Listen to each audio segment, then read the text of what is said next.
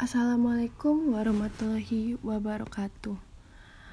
Perkenalkan, saya Febri Andini dari Universitas Negeri Padang dengan mata kuliah pengembangan koleksi bersama dosen Bapak Angga Hadia Purwa dan Budian. Pada podcast kali ini, saya akan membahas judul Kebijakan Pengembangan Koleksi.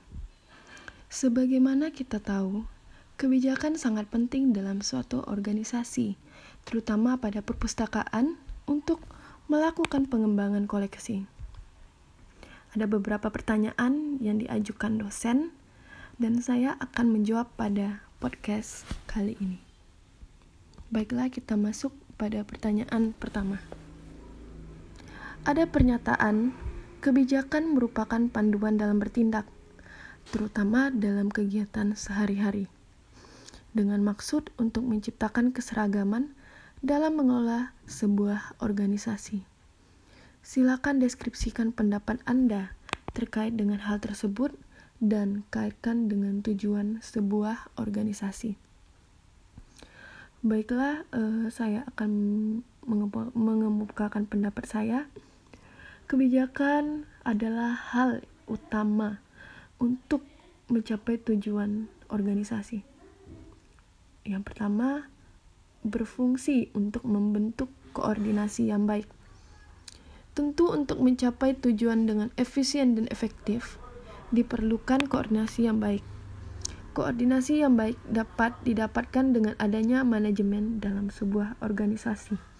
Karena dengan adanya manajemen, maka semua pekerjaan akan lebih terarah dan terkoordinasi. Selain itu, dengan membentuk koordinasi yang baik antar individu maupun divisi, juga dapat melancarkan jalannya sebuah organisasi. Fungsi kedua yaitu untuk menetapkan kinerja efektif. Sama seperti tujuan dasarnya, yaitu mewujudkan organisasi dengan efektif. Untuk mewujudkan tujuan dengan efektif, maka juga diperlukan kinerja yang efektif pula. Dengan kinerja yang efektif dan, efektif dan terarah, maka tujuan dari organisasi juga akan lebih mudah tercapai. Masuk pertanyaan kedua. Kebijakan dalam sebuah organisasi, organisasi dapat digunakan untuk A. Menangani masalah yang ada di dalam organisasi B. Sebagai panduan dalam sebagai panduan setiap orang dalam pembuatan keputusan C. Memastikan konsisten dalam pencapaian tujuan organisasi D. Menjadi panduan dalam menangani masalah-masalah yang aktual E menjelaskan nilai-nilai dan tujuan organisasi. F. Membuat komitmen dengan tujuan organisasi. G. Memenuhi hak-hak staf. Kemukakan pendapat Anda dengan poin-poin tersebut minimal 2 poin. Baiklah, pendapat pertama saya.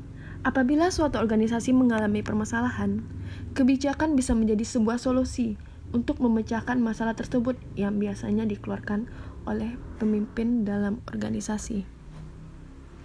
Yang kedua, kebijakan sangat penting untuk mencapai suatu tujuan organisasi, sehingga tercapainya, terciptanya suatu jalin kerja yang baik dan efektif. Yang ketiga, kebijak pertanyaan ketiga.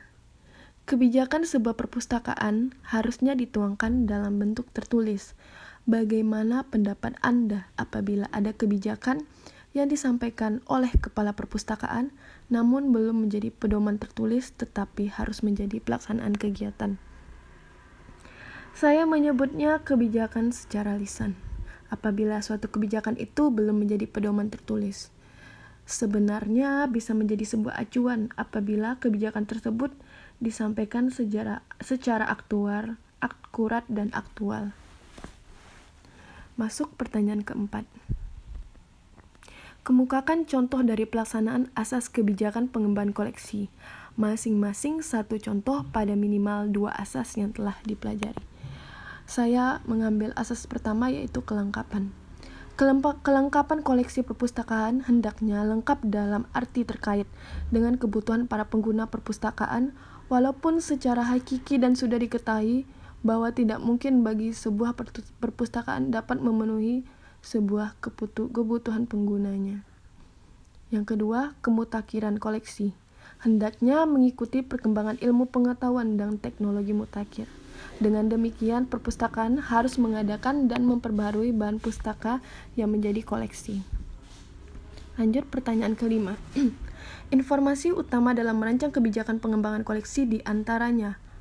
Kekuatan dan kelemahan koleksi perpustakaan B. Pemustaka dan perubahan kebutuhan C. Sumber informasi lainnya Kemukakan pendapat Anda terkait dengan keterkaitan antar ketiganya dan bagaimana dukungan masing-masing komponen tersebut dalam mendukung rancangan rancangan kebijakan pengembangan perpustakaan. A. Tujuan untuk mengetahui kekuatan dan kelemahan koleksi perpustakaan adalah sebagai acuan dari perpustakaan untuk mengembangkan koleksinya. Sebagai contoh, bahan pustaka mana yang kurang elok digunakan se seperti sudah sobek, rusak, atau tercoret. B dengan diketahuinya kekuatan dan kelemahan koleksi, pihak perpustakaan bisa menggantikan atau menambah bahan pustaka yang sesuai dengan kebutuhan pemustaka yang beraneka, beraneka ragam. C. Apabila pihak perpustakaan kesusahan dalam koleksi, mereka bisa mencari pada sumber informasi lain seperti kerjasama antar perpustakaan lainnya, seperti tukar silang koleksi perpustakaan. Uh, itulah jawaban dari saya. Apabila ada kurang, uh, mohon dimaafkan. Saya tutup podcast kali ini dengan uh, wassalamualaikum warahmatullahi wabarakatuh.